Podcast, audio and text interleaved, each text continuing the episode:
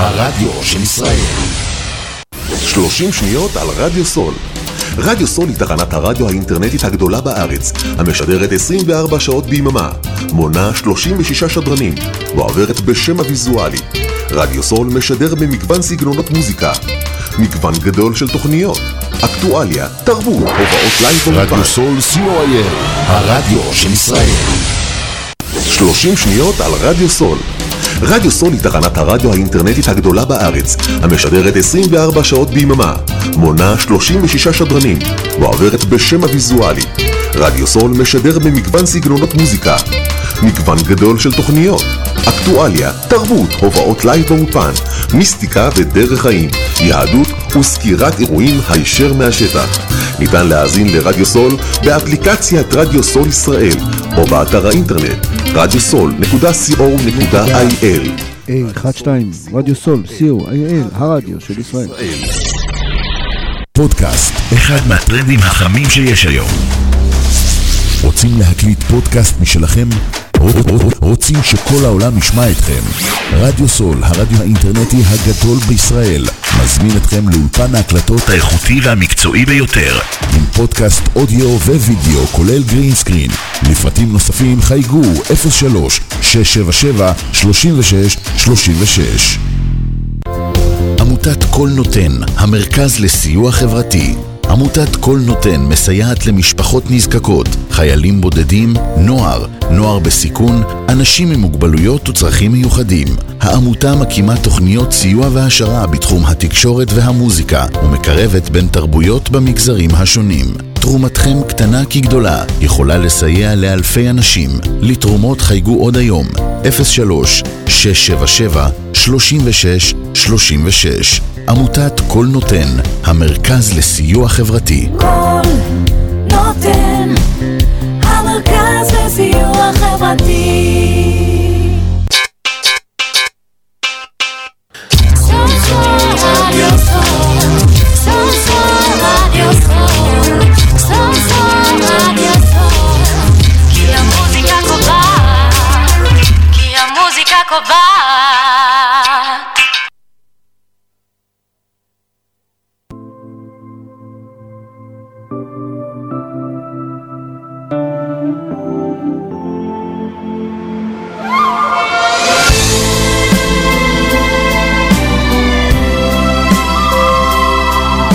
מאזינים לתוכנית מורשת יהודית וזהות ישראלית בהגשת בן שפט.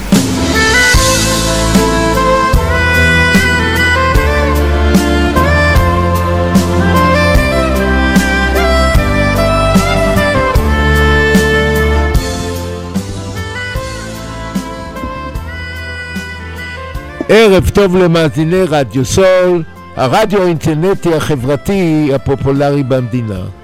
השעה ארבע ודקה, ואנו שוב באולפן שלוש. היום יום שני, י"ז באדר א', תשפ"ד, 26 לפברואר 24. ושוב בתוכנית מסורת יהודית וזהות ישראלית. מול המיקרופון בן שפט תחקיר עורך ומגיש, ועימי בשידור שוקי הטכנאי. בחמישי שבוע שעבר השתתפתי בהלוויית החייל סיימון שולוב שהתקיימה בבית הקברות הצבאי בראשון לציון. סיימון שולוב עלה לארץ לבדו מקזחסטן. בהיותו בן 15, הצטרף כחניך מכינת הראל, חתר והצליח להיות צנחן בצה"ל, וצ... ונפל לצערנו בדרום רצועת עזה בראשון שעבר. מכיוון שהיה חייל בודד, פורסמה ברשתות החבר... החברתיות בקשה להשתתף בהלווייתו, ובצער הוריו ואחיותיו שהגיעו מקזחסטן ללוויית בניהם ואחיהם סיימון. הגיעו כאלף איש להלוויה. חילונים, דתיים, חרדים על מלא, ועמך ישראל הטוב והכנה. המאחד עם דגלים, עם דגלי ענק וגדלים קטנים של ישראל. אחרי הספדים מרגשים בעברית וברוסית, רמי קליינשטיין שר שיר מרגש, אחווה לצנחנים. שיושמע בעוד דקה. שיאה של ההתרגשות הייתה כשרוב אלף המשתתפים עזרו לאב לומר את הקדיש בארמית לעינוי נשמת בנו, החייל סיימון. יהי זכרו של החייל סיימון שולוב, יחד עם זכרם של שאר חללי צה"ל וחטופי השביעי לאוקטובר, שמור היטב בספרי גבורת מדינת ישראל. נשמע עכשיו את רמי קליינשטיין כפי ששר בהלוויית החייל סיימון שולוב בשיר אחוות הצנחנים.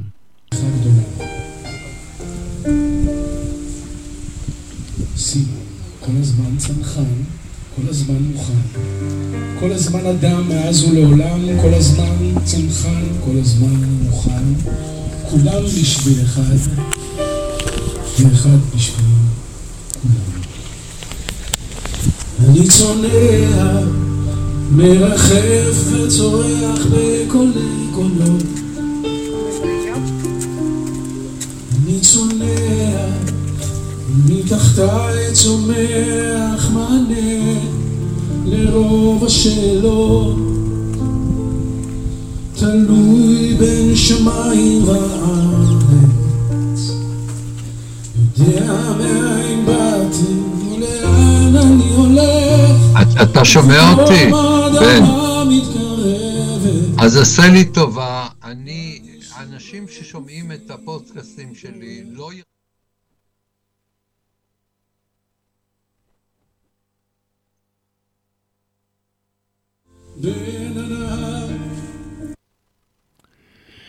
הערב אנו מארחים את מיודענו, הדוקטור דן שפטן, העומד בראש התוכנית הבינלאומית לביטחון לאומי באוניברסיטת חיפה. ונשאל אותו איך אנחנו יוצאים מהבוץ המלחמתי והמדיני התובעני. דוקטור דן שפטן, אתה איתנו? אני איתכם. יפה, ברוך הבא. אני יודע, דן שפטן, ש- שאתה נפגש עם ערבים במזרח, במזרח התיכון. אולי יש לך מסרים שתרצה לשתף את המאזינים איתם? ברשותך, אני רוצה לתת קודם תמונה כללית. אנחנו תמיד נגררים לכל מיני שאלות מאוד מעניינות במיקרו, והדבר העיקרי שאני מבקש לעשות כאן זה לתת תמונת מקרו. אז ברשותך, אולי נתחיל עכשיו, אני אתן תמונה רחבה, אם תרצה אחר כך להיכנס לשאלה כזאת או אחרת, אני ברצון אענה עליה. בבקשה. אני חושב שמה שקרה מאז השבעה באוקטובר יש לו חשיבות היסטורית ארוכת טווח.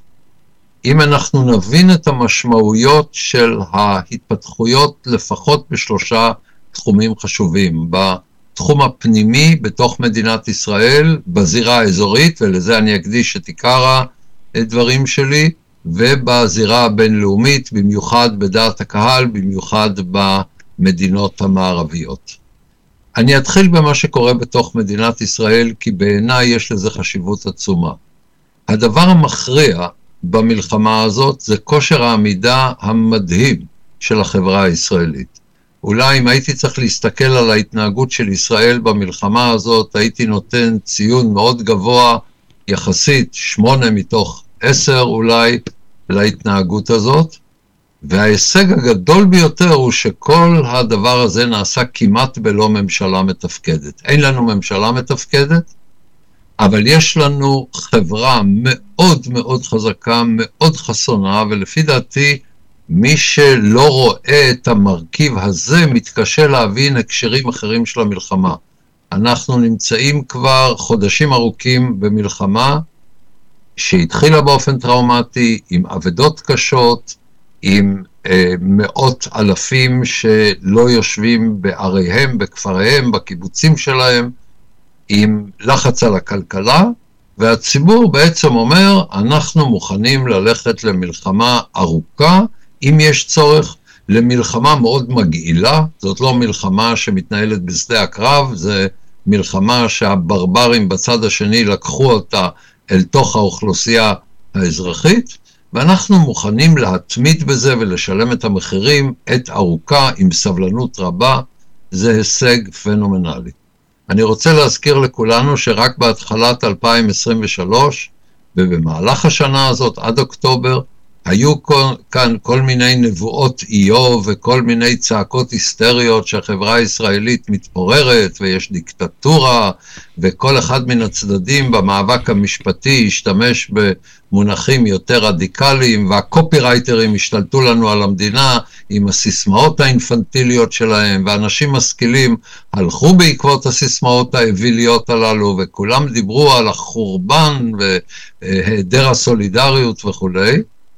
ואני חושב שהמלחמה גילתה משהו עמוק, זה לא סולידריות לצורך מלחמה, זאת סולידריות אמיתית שקיימת בחברה, עם מתחים רבים, עם קשיים רבים, עם דברים חשובים שעומדים על סדר היום, אבל מעבר לכל הדברים האלה, יש כאן חברה מאוד חסונה עם סולידריות מאוד עמוקה, וכל נבואות הזעם של ראשית 23, והניסיון לחדש אותם עכשיו סביב הוויכוח הפוליטי, וההתפרצות הצפויה בעקבות אה, מערכת בחירות, שאז שוב שני הצדדים יגידו דברים אינפנטיליים שרק בן אדם טיפש יכול לקחת אותם ברצינות.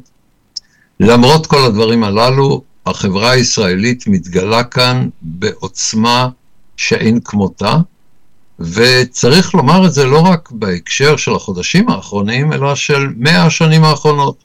יש כאן חברה שיודעת, ובמשך הזמן היא למדה, שהאויבים שלה הם כאלה שהמלחמה תימשך לדורות. היא לא רק נמשכת כבר מאה שנים, אלא הזיות שהיו מקובלות בשנות התשעים, כאילו עוד מעט יבוא שלום ואיש תחת גפנו ואיש תחת תאנתו, וכולם ישבו ולא נחיה על החרב וכולי. אני חושב שכל אדם שמבין את סביבתו יודע שהדברים האלה הם דברי איוולת ושזה לא יקרה. ולמרות זאת החברה מוכנה להמשיך בזה גם בפרספקטיבה היסטורית. כלומר, לא רק מה שקורה בחודשים כאלו או אחרים עד סוף המלחמה, אלא להבין שגם למלחמה הזאת אין בסופה פתרון, שבה פתאום הבעיות האלה נעלמות. אנחנו, ברצועת עזה יהיה לנו אויב דוחה, מגעיל, אלים, חסר תרבות, וזה יתמשך לדורות. אני חושב שכולנו מבינים את זה, ורובנו הגדול רוצים לחיות במדינה הזאת עם הישגים, עם uh, התמודדות עם הקשיים האמיתיים שלה, למרות העובדה שגם מסביב אנחנו נמצאים במאבק מאוד ארוך, אולי אם יורשה לי לשאול מהמנון הפלמ"ח, מסביב יהום הסער, אך ראשנו לא יישך. אבל מה... ושוב, זה אבל לא אומר רק- שאין בעיות רציניות ועמוקות בחברה הישראלית, וזה לא אומר שאין קשיים שלא מצאנו להם מענה טוב ונצטרך להמשיך להתמודד איתם, זה רק אומר שלאורך זמן החברה הישראלית מתמודדת היטב עם קשייה, למרות העובדה שתמיד צצים קשיים חדשים, ולמרות העובדה שאף אחת מן הבעיות האלה לא מגיעה לפתרון גמור. מה... רק, רק. רגע, רק דקה אחת. ברשותך, אני רוצה, ברשותך, אני רוצה לתת תמונה כוללת, כי אחרת ניגרר עוד פעם למיקרו ונאבד את התמונה הכללית. אז ברשותך, אני רוצה להישאר ברמה, ברמת המקרו. בזירה האזורית זה הדבר העיקרי, וזה מתקשר היטב למה שאמרתי כרגע על הזירה הפנימית. למדנו, כפי שאנחנו לומדים שוב במאה השנים האחרונות, שיש לנו אויב שמגיע, אני מדבר על העם הפלסטיני, לא רק על חמאס, אלא על העם הפלסטיני, יש לנו אויב שמגיע מיקום ערכי מקביל. זה לא אנשים כמותנו שבמקרה מדברים ערבית ויש לנו איתם סכסוך לאומי, יש כאן משהו הרבה יותר עמוק. בסדר העדיפויות התרבותי של החברה שעומדת מולנו, ולכן, כמו שהופתענו ב-29, והופתענו ב-36-9, והופתענו ב-47, והופתענו באינתיפאדה השנייה, וכל פעם אמרנו לעצמנו, הנה הרצחנות, והנה הניסיון לעקור אותנו מהשורש, והנה העובדה שהגורמים הכי רדיקליים והכי דוחים בחברה הפלסטינית זוכים לתמיכה מאוד מאוד רחבה בחברה הפלסטינית, ומה שקרה ב-7 באוקטובר תמכו לא רק אה, למעלה מ-70% מתושבי הרצועה, אלא גם למעלה מ-80% מתושבי הגדה. בחברה הערבית בישראל לא נעשו משאלי דעת קהל בנושא הזה, ואני מאוד מצטער, הפוקדים פשוט פחדו לשאול או לא רצו לדעת את התשובה. יש לנו בעיה עם עם שלא הוכיח שום פרודוקטיביות מאז הקמתו. הוא לא מנסה לבנות את עצמו, הוא מתמקד באלימות, בהתבכיינות, בניסיון לבוא לעולם כולו ולדרוש מהעולם כולו לממן אותו ו- ולתמוך בו ולהשיג בשבילו את ההישגים על חשבון ישראל. הוא לא בונה אומה, כאשר, גם כאשר יש לו ראש ממשלה כמו סלאם פיאד, שהוא בונה אומה שאין כמותו, הישג עצום לעם הפלסטיני, שיכול היה לבוא אדם כל כך בולט ולהיות, להסכים להיות ראש ממשלה, אבל גם בהיותו ראש ממשלה לא היה לו יותר מכמה אחוזים תמיכה בתוך החברה הפלסטינית. גם היום, כיוון שהוא בונה אומה, אין לו תמיכה בעם הפלסטיני, אני לא רואה את זה בא בזמן הקרוב. ואיתו יש לנו עימות שכבר מתמשך מאה שנים, ואני לא אתפלא אם הוא יתמשך גם לדורות הקרובים. אני רואה איך הם מחנכים את הילדים שלהם היום, כולל בתוך מדינת ישראל, ואין לי הרבה תקווה לגבי הסדר עם העם הפלסטיני, בוודאי לא אותה הזיה של שלום שהבטיחו לנו בעקבות אוסלו בשנות ה-90. דן, אני מבקש... לעומת זה, אני אם אתה מסתכל על מה שקורה בעולם הערבי, סליחה, אני רוצה לסיים את שלושת הדברים האלה, ואחר כך אשמח להיכנס לכל שאלה יותר ספציפית. אם אני מסתכל על מה שקורה בסביבנו בעולם הערבי, התמונה היא כרגע בעייתית, אבל בגדול היא מאוד מאוד חיובית. אנחנו נמצאים כבר עכשיו במצב שרוב המשטרים בעולם הערבי, רוב המדינות הערביות, לא רק מוכנות דה פקטו להשלים איתנו, לא רק מנסות לה, להימנע ממלחמות ומעימותים יותר מדי אלימים איתנו, אלא יותר מזה, הם מבינים שהם זקוקים לנו. האויבים שלה, שלנו והאויבים שלהם, איראן והאחים המוסלמים, זה אותם אויבים. ועל כן, מצרים, ירדן, ערב הסעודית, איחוד האמירויות, מרוקו, גם מדינות ערביות אחרות שלא רוצות לצאת מן הארון בהקשר הזה, כרגע נאלצות להיכנע לדעת הקהל הפנימית שלהם, והם אומרים כל מיני דברים קשים, ואני לא חושב שאנחנו נמצאים על סף נורמליזציה עם ערב הסעודית, אבל הרבה פחות מדאיג אותי העניין הזה של נורמליזציה, הרבה יותר מעודדת אותי העובדה שכולם מבינים שכדי להתגונן בפני האויבים הבאמת בלתי מתפשרים שלהם, איראן והאחים המוסלמים, הם זקוקים לישראל חזקה. וזה גם מסביר את העמדה שלהם במלחמה, מעבר לכל המילים הקשות שהם משמיעים עכשיו כדי לרצות את דעת הקהל שלהם. לאיראן יש אמביציות הגמוניות על כל המזרח התיכון, להשתלט על כל האזור הזה.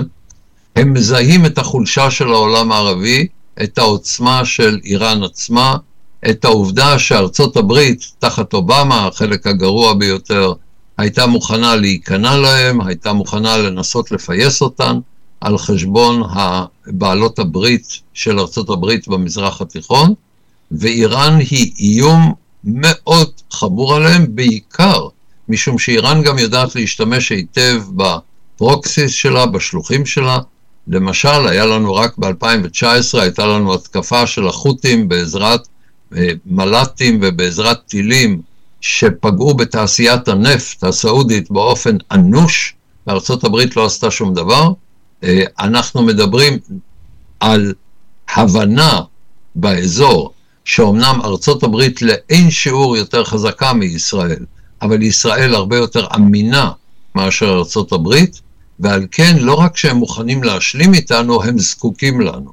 ואני הרבה פחות זקוק לנורמליזציה וליחסים דיפלומט, דיפלומטיים ולגילויי אהבה, אם הם רוצים, בבקשה, זה נחמד, זה טוב, זה מועיל, אני בעד זה באופן עקרוני, אני הרבה יותר מתעניין בשיתוף פעולה. וכאשר למשל מטוס של חיל האוויר המלכותי הסעודי מיירט טיל חותי המכוון לישראל, כדי לתת דוגמה של משהו שיצא החוצה, ויש הרבה דברים שאינם יוצאים החוצה, למשל, בעיניי הרבה יותר חשוב פיקוד של הגנה אווירית מזרח תיכוני, בהנחיית פיקוד המרכז של ארצות הברית, בהשתתפותן של מדינות המפרץ ושל ישראל, הרבה יותר חשוב בעיניי מאשר שאלות של נורמליזציה. אם נצליח לייצר את אותו גשר יבשתי מאוד חשוב בין הודו לבין אירופה, דרך ערב הסעודית ודרך ישראל, אני חושב שלדבר הזה תהיה, להן, תהיה לו משמעות מאוד מאוד גדולה. יש כרגע בעיה, נכון, הצליחו לייצר דעת קהל, חמאס והפלסטינים והגורמים הרדיקליים הצליחו בדעת הקהל הערבית, מיד נגיע גם לדעת הקהל המערבית, לייצר בעיה, ועל כן המלך עבדאללה, שעצם קיומה של ארצו תלוי בישראל חזקה, נאלץ להשמיע דברים מאוד קשים נגד ישראל, אבל בעצם הפוטנציאל במזרח התיכון שבא לידי ביטוי בהסכמי אברהם, הפוטנציאל הזה אה, יכול להתממש, ואם הוא יתממש זה שוב עוד קפיצת מדרגה במעמדה של ישראל בזירה האזורית. דבר אחרון לזירה הבינלאומית בזירת דעת הקהל. אני יודע שיש הרבה אנשים, גם ידידיי, שמזועזעים עמוקות מעומק האנטישמיות, מהאנטי-ישראליות של חלקים של דעת הקהל בארצות הברית. אה, ובאירופה ובמקומות אחרים במזרח התיכון, סליחה, אה, במזרח אסיה, בכל מיני מקומות שהיינו מצפים להבנה של בני תרבות למאבק בין ישראל לבין הברברים של חמאס, אבל לפי דעתי יש בכך לאורך זמן יותר ברכה מאשר קללה, משום שהמציאות הזאת הייתה קיימת הרבה זמן, ועכשיו היא מתגלית, ולכן אפשר להיאבק איתה. למשל, העיוות המוסרי העמוק של, האוניבר... של אוניברסיטאות היוקרה בארצות הברית, לא כולן, אבל של חלק גדול מהן. העיוות החולני של הפרוגרסיביות גם בארצות הברית, גם במקומות אחרים. ההשתוללות הברברית של ערבים ואחרים בפריז, בלונדון, עכשיו גם בארצות הברית בכמה מקומות. ההצטרפות אפילו של רדיקלים יהודים אנטי-ישראלים ואנטישמים למגמה הזאת, אמנם במספרים מאוד קטנים, אבל שוב, מדובר על הגורמים הפרוגרסיביים שהם חולים מבחינה מוסרית, במובן העמוק של המילה, שהם המדכאים העיקריים של חופש הביטוי, אבל הצליחו להופיע בציבור בתור מי שנלחם למען חופש הביטוי. כל הערכים של הליברליזם נמצאים תחת איום לא רק של הפשיסטים, לא בעיקר של הפשיסטים, אלא בעיקר של הגורמים הפרוגרסיביים. זה כמו שהלאומיות מאוימת בעיקר על ידי הפשיזם, כך הליברליזם מאוים בעיקר על ידי הפרוגרסיביזם. הרדיקלים המטורללים בקצווי המחנה הם אלה שמאיימים על המרכיבים הלאומיים הבריאים, על המרכיבים הליברליים הבריאים, וזה חשוב במיוחד למדינת ישראל, שהיא מדינה שמנסה לחבר את שני המרכיבים. לומר מדינה יהודית ודמוקרטית זה לומר מדינה לאומית וליברלית. ומי שמאיים על הליברליות ומי שמאיים על הלאומיות זה הפשיסטים והפרוגרסיבים. כלומר, ההבנה שיש לנו כאן אויבים, לא רק מימין אלא גם משמאל, לא רק בימין הקיצוני אלא גם בשמאל המטורלל, זה גם כן דבר שהוא חשוב. האם זה נעים? לא. האם יש לזה קשיים גדולים? כן. האם המערכת הבינלאומית המעוותת, החולנית, המערכת שעברה הזניה של אה, האומות המאוחדות וגורמים בינלאומיים אחרים, שהיום גורם כל בינלאומי, כל גורם בינלאומי שמותנה ברוב שקיים באו"ם, עבר הזניה, לרבות ארגון הבריאות הבינלאומי וארגונים דומים אחרים, עצם העובדה שזה נחשף, לפי דעתי יש בו מרכיב יותר חיובי מאשר המרכיב השלילי שקיים, כי המרכיב השלילי היה קיים כבר קודם.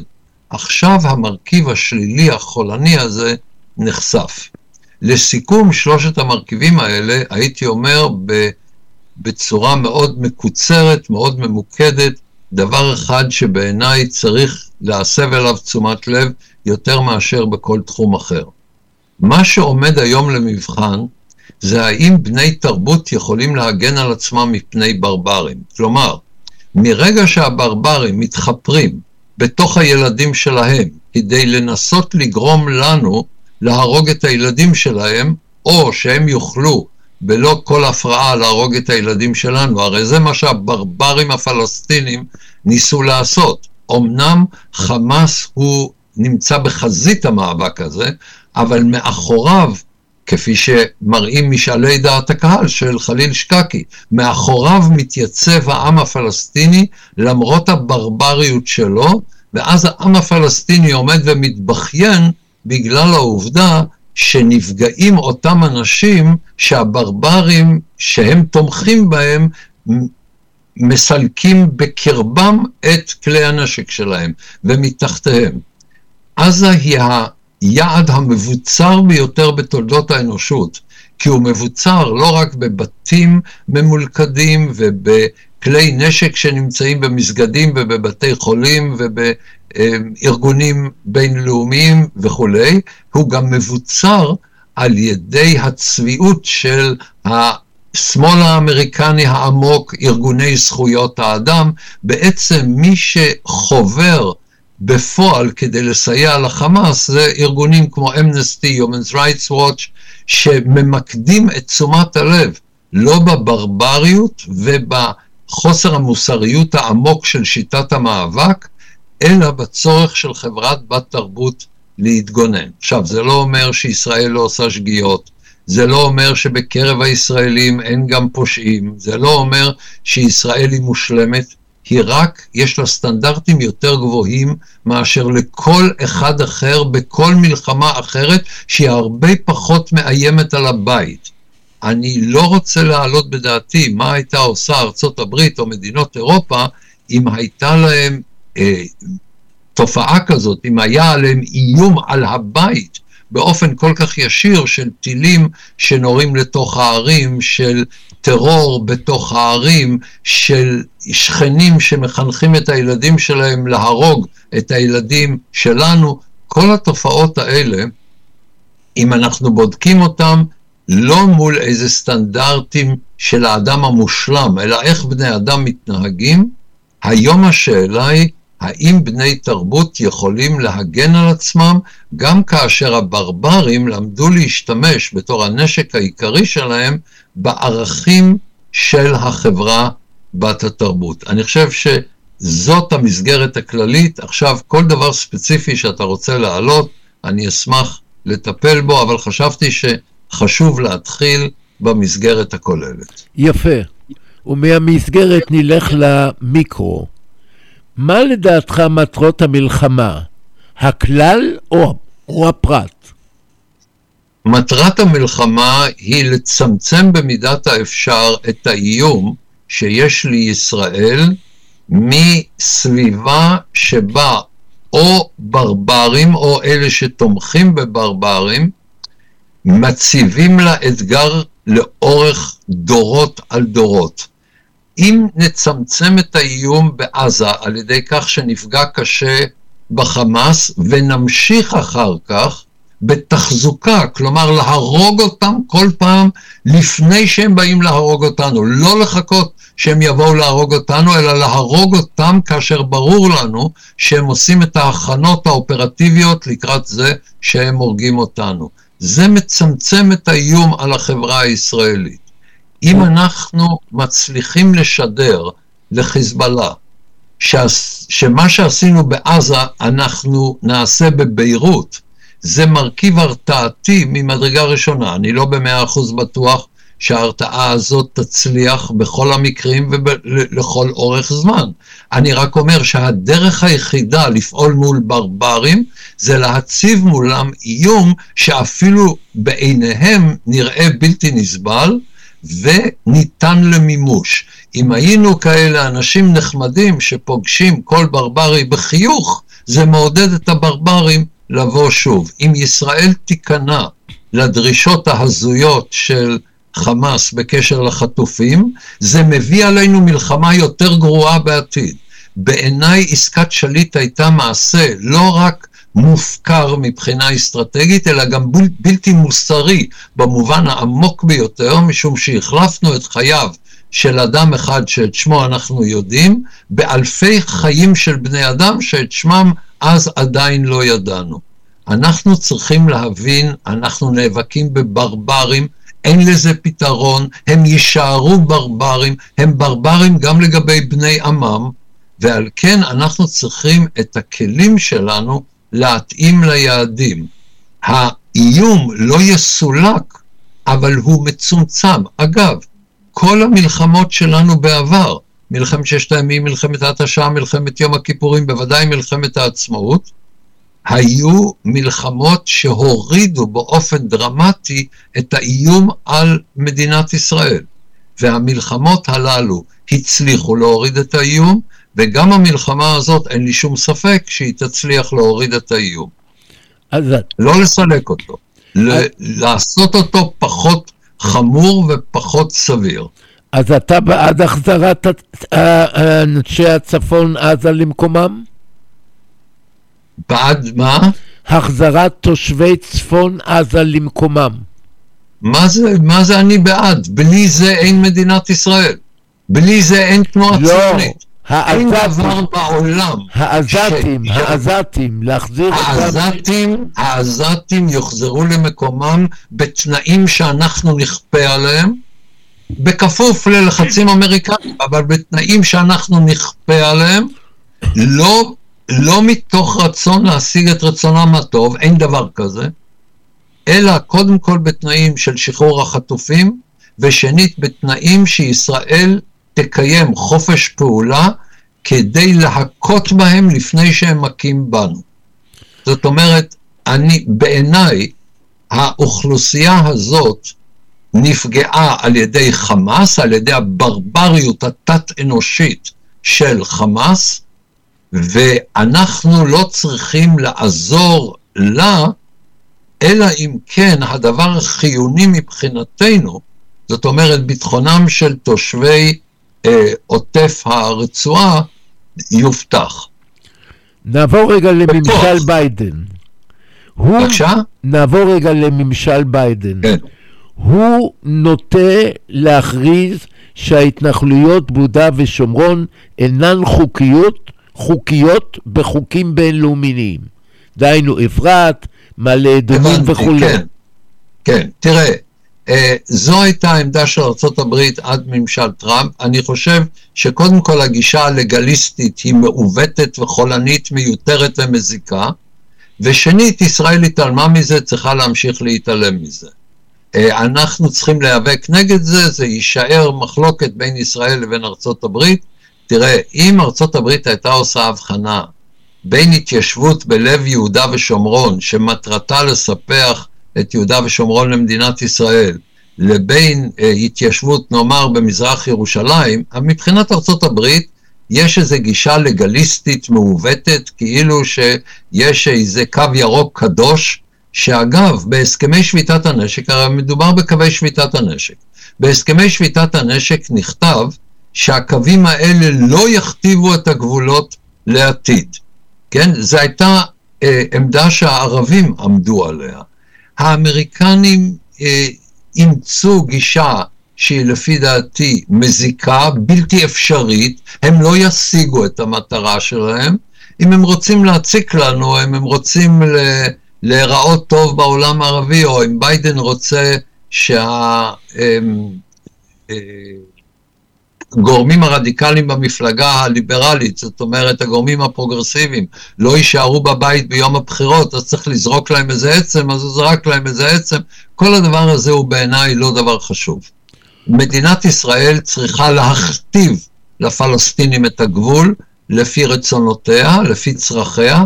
לדעתי, הכתבת הגבול הזאת צריכה להוציא את רוב הגדה המערבית ואת כל רצועת עזה מכלל ההתיישבות היהודית.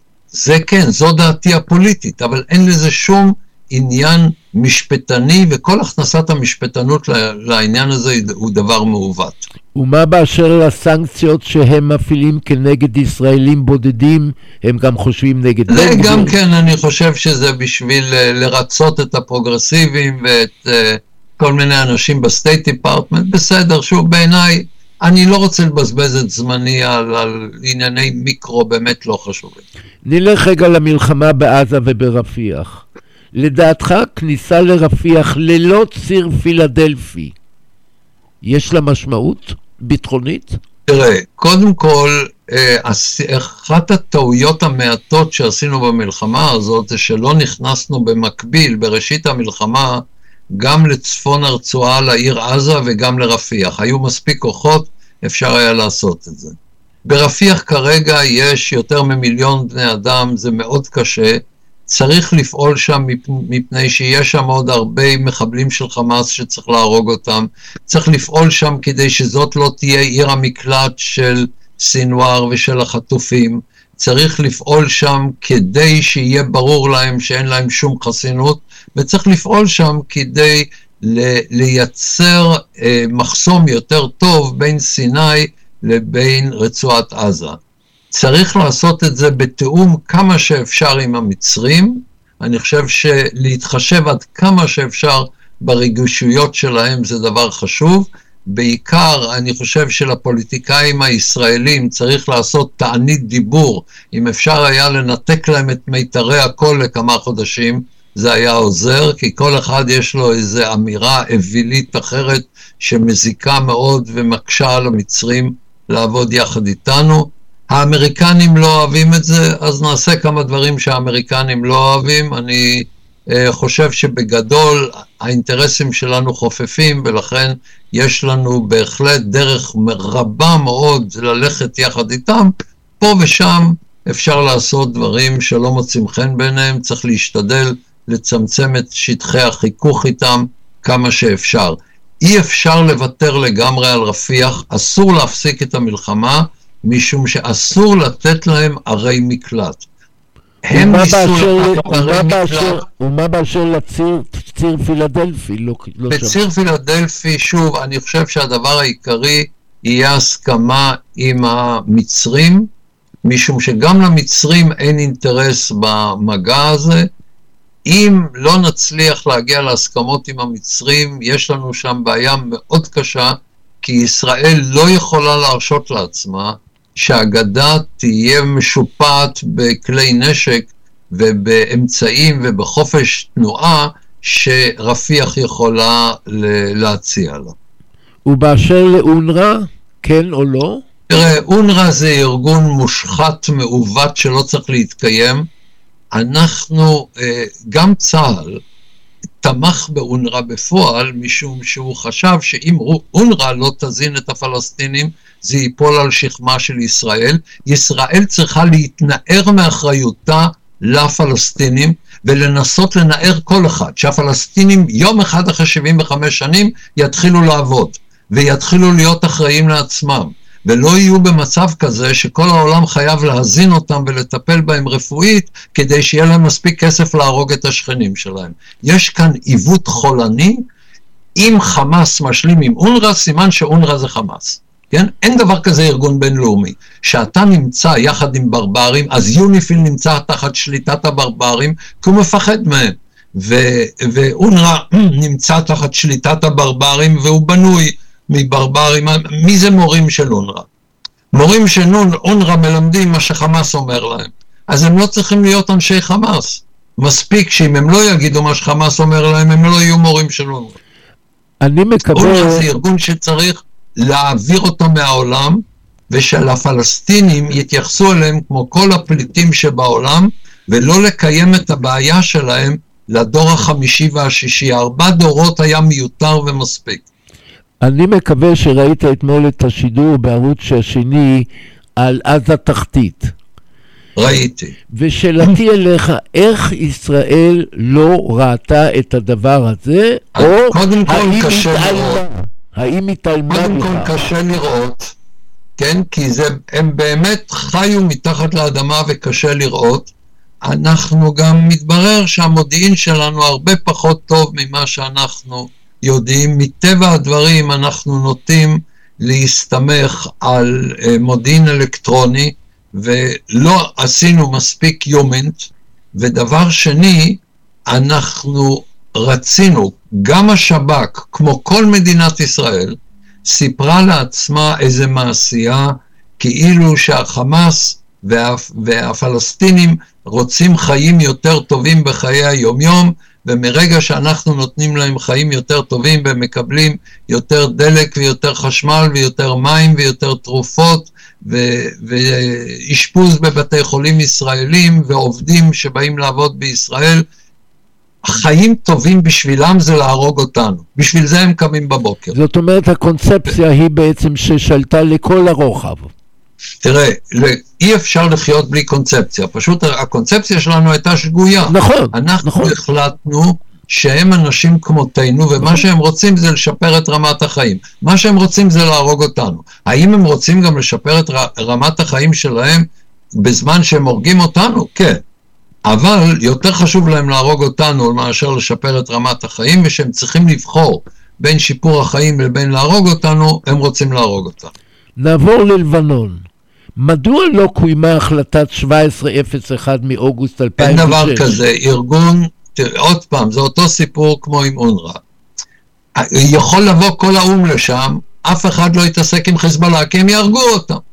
כן? איפה ישראל? הדרך היחידה? להתמודד עם חיזבאללה זה להרוג אותם ולאיים עליהם. אין שום דרך אה, לבוא אליהם עם החלטות או"ם. הם אה, מצפצפים על זה.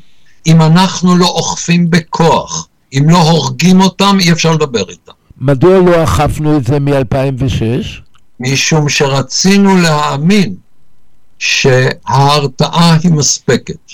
עכשיו, הייתה לנו הרתעה אסטרטגית מפני מלחמה, וזה טוב, אבל אנחנו הרשינו להם לבנות את הכוח שלהם, ורצינו, תראה, המילה הגסה ביותר בלקסיקון הישראלי היא המילה שקט. שקט יענה בשקט. אם יש שקט אצל ברברים, הם מתכוונים להרוג אותנו. עכשיו, אתה יכול לרצות שקט עם מצרים, ואני בעד זה. אני עם ירדן, עם מד... אפילו עם סוריה. אפילו עם סוריה. כלומר, אפילו עם גורמים רדיקליים. העניין הוא שסוריה יודעת שבשדה הקרב, אם היא תצא למלחמה, היא תובס. ומצרים יודעת את זה, וירדן יודעת את זה, וכל המדינות יודעות את זה. אלא שאנחנו נתנו להם להאמין שאם אתם מחופרים בקרב הילדים שלכם, בבתי החולים שלכם, במסגדים שלכם ובבתי הספר שלכם, אתם חסינים. מול הטיעון הזה אנחנו עכשיו עובדים בעזה. המלחמה בעזה תפקידה לשלוח את המסר, אנחנו נהרוג אתכם איפה שאתם רק נמצאים. לא יעזור לכם שום דבר. ואני לא אומר שזה יפתור את הבעיה, אני רק אומר שזה יקל עליה. ואנחנו צריכים, תראה, איך אנחנו חיים עם יהודה ושומרון, כאשר עשרים שנה הטרור בקרבם הוא ברמה שאנחנו יכולים לסבול אותו.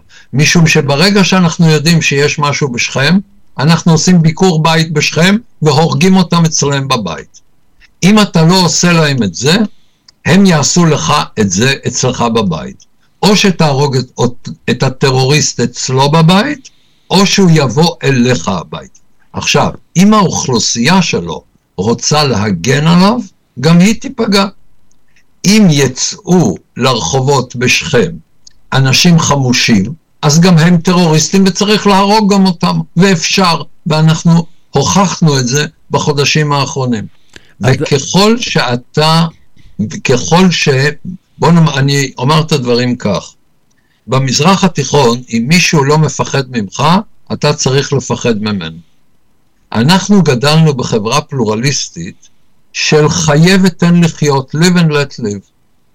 אנחנו נמצאים במזרח התיכון במקום שבו אם לא מפחדים ממך, אתה צריך לפחד מהם.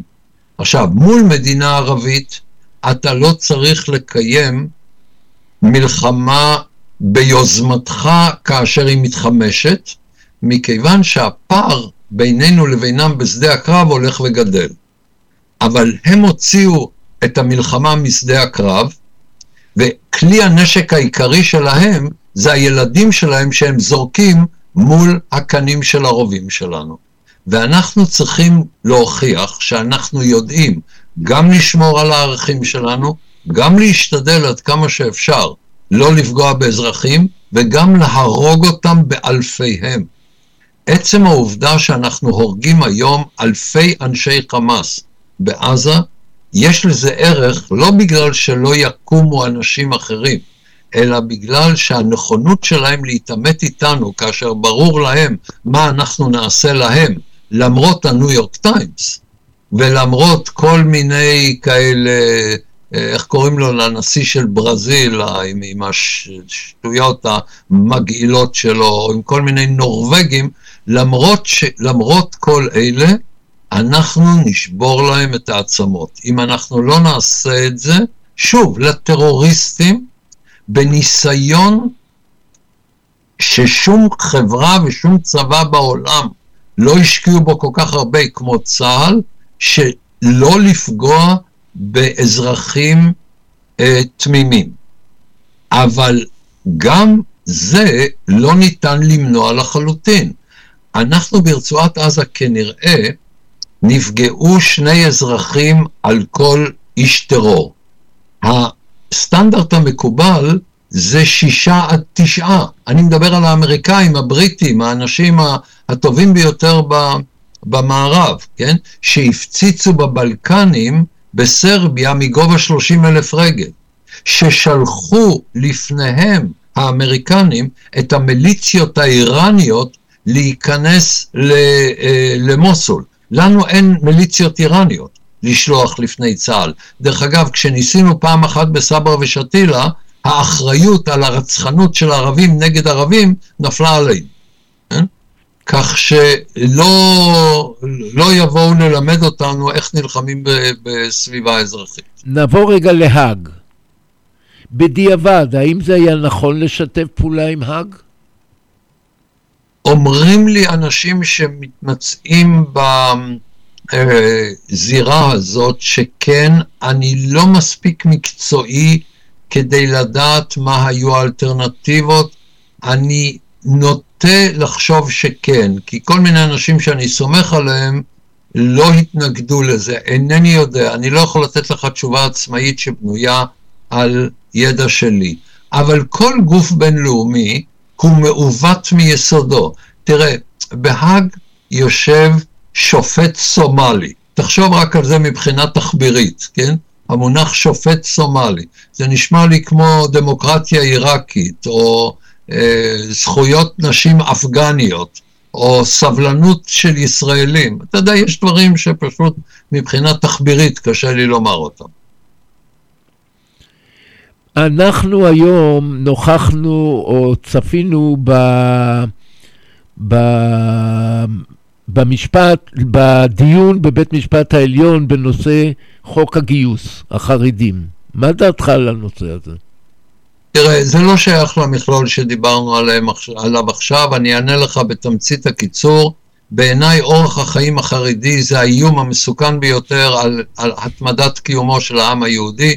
זה קיום פרזיטי, זה קיום פרימיטיבי, ואני חושב שהבעיה היא לא הגיוס, אלא עצם העובדה שהאנשים האלה הם אנשים בלתי פרודוקטיביים שחיים על זיעת אפינו ועל דמנו, הם פרימיטיביים בנכונותם לחשוב על הדברים שאותם הם אומרים, הם חברה בעיניי שצריך לכפות עליה בכוח ללכת לעבוד, והדרך הפשוטה היא להפסיק לתת להם מאות מיליארדים שהם גונבים מאיתנו כל שנה. בכל כיוון אפשרי, בגלל שהם ישבו בממשלות, הם עשו סידורים שאנחנו לא אה, אה, יכולים לעקוב אחריהם, שבו הם מוצצים את דמנו מכל כיוון אפשרי. עכשיו, אם חרדי רוצה לי, לי, לעבוד ולשרת בצה"ל, זכותו לקיים כל אורח חיים שנראה לו. בחברה פלורליסטית הדבר הזה צריך להיות מקובל. אני כבר אמרתי את זה בתוכנית אחרת, אני אגיד את זה שוב. מצאו לפני זמן קצר את קברו, את מצבתו של אבי סבי בגרמניה, ושם כתוב בעברית על הקבר של אדם שמבחינה דתית חי באופן חרדי, כתוב בעברית, כל ימיו חי מיגיע כפיו. כן? מרגע שהם יתחילו לעבוד, ושלא ירמו אותנו כאילו שיש, שהם הולכים ומתגייסים לצה"ל, הולכים ועובדים, לא. הרוב המכריע שלהם הוא חי חיים פרזיטים, וגם אלה בקרבם שעובדים, עובדים בללמד את הילדים שלהם בלי לימודי ליבה, כלומר הם גורמים לנזק מחריד לדור הבא, והם מתעללים בילדיהם כאשר הם מגדלים אותם ללא לימודי ליבה, ובעיניי החברה הישראלית צריכה להתמודד עם זה פשוט על ידי ממשלה בלי חרדים, שתדאג שכמו כל ישראלי אחר וכמו כל אדם אחר, מי שלא עובד ומי שלא משרת בצה"ל, לא מגיע לו שום דבר. לאחרונה אני שומע בחוגי המשכילים מהמגזר הערבי שישנה נטייה להמליץ לנוער הערבי להתגייס לשירות לאומי.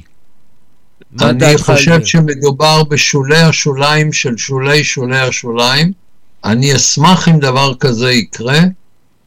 מה שקורה בינתיים בחברה הערבית כרגע הוא אמ, לא אינדיקטיבי לגבי המגמות הכוללות, כי כרגע הם מפחדים מתגובתה של החברה הישראלית בעקבות השבעה באוקטובר, וגם אלה שהיו רוצים לחזור לברבריות של שומר החומות אינם חוזרים לכך כי הם מפחדים מהרשות שהחברה הישראלית תיתן לכוחות הביטחון לדכא אותם כמו שהיינו צריכים לדכא אותם כבר בשומר החומות, אבל יש דיסוננס בקרב הערבים בישראל בין הכרה בעובדה שכמעט כל דבר טוב בחיים שלהם נובע מהעובדה שהם חיים במדינה יהודית, ודאי שהם לא חיים במדינה ערבית, ומצד שני, הם אימצו את האתוס הפלסטיני, שכבר דיברתי עליו קודם לכן, שמדבר על בעצם שילוב של אלימות ובכיינות, בעצם זו תרומתם הגדולה ברמה הלאומית של הפלסטינים, והערבים אזרחי ישראל, לצערי, בחלקים גדולים של החיים הציבוריים שלהם אימצו את התפיסה הזאת, דה-לגיטימציה של המדינה היהודית אה, והזדהות בתואנות הומניטריות, ואני חושב שזה, למרות שיכול להיות בזה גם גרעין של אמת, הדבר העיקרי שם הוא לא הומניטרי אלא פוליטי, עם האויבים הגרועים ביותר של מדינת ישראל. תודה רבה לך, דוקטור דר שפטן. זמננו לצערי הרב תם. אני משוכנע שלמדנו הרבה מעצותיך ומרעיונותיך, ואני מקווה שהאנשים הנכונים ידעו לאמץ אותם. תודה רבה לך, תודה. ונתראה בשידור הבא. תודה. ול, ולסיום, לס, ולסיום מאזינות ומאזינים, דברו איתי בפייסבוק BNSHEFET או בוואטסאפ במספר 0545-999-030. מחרתיים ביום רביעי בין 5 ל-6 נשוחח עם מבקר התרבות המוכר מיכאל הנדלזלץ בנושא קיים או לא קיים, אבל האל משפיע. הצטרפו, יהיה מעניין מאוד. ולפני שניפרד, הערב נשמע את מרדכי בן דוד ויעקב שווקי בשירם תעניק לחבריי. זה אולי היום הדבר החשוב ביותר, להעניק תמיכה, אהבה וחיבוק. המשך ערב טוב לישראל, מצוות התוכנית שוקי הטכנאי וממני העורך, התחקירן והמגיש בן שפט. שלום שלום ויהיה שלום.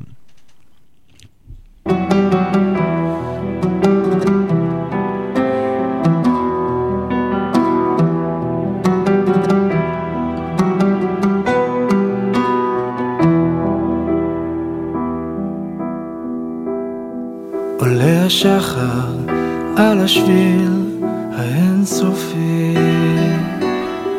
בין לבבות החברים כבר אין אני.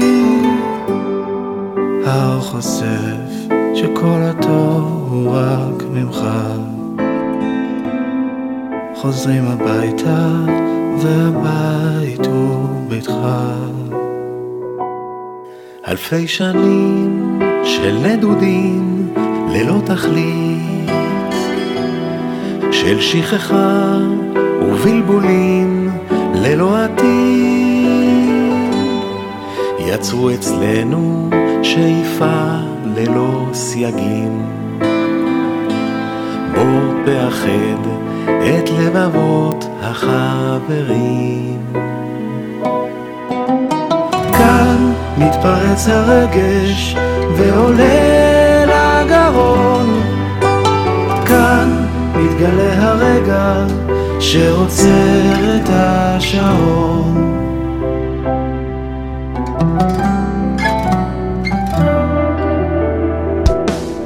בתוך החושך לא ראינו שום דבר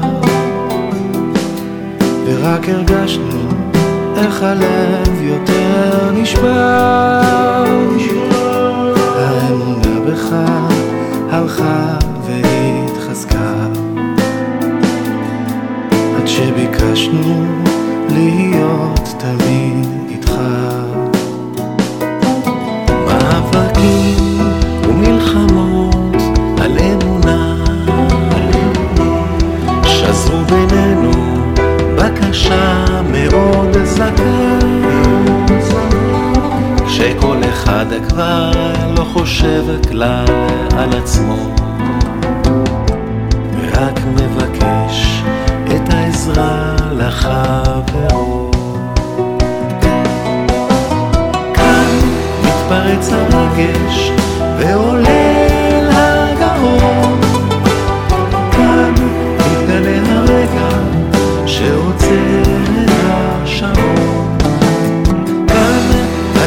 פורצת אל תיתן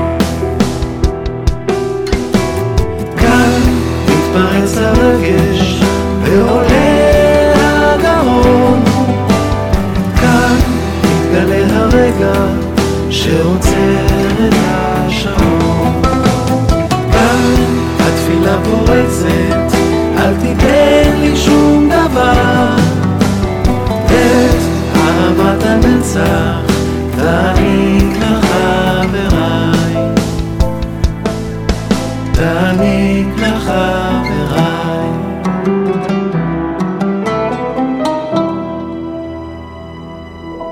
אלוהים, הוא גר בכפר קטן, ואין לו משפחה, אין לו אף אחד, אין לו דאגות בחיים,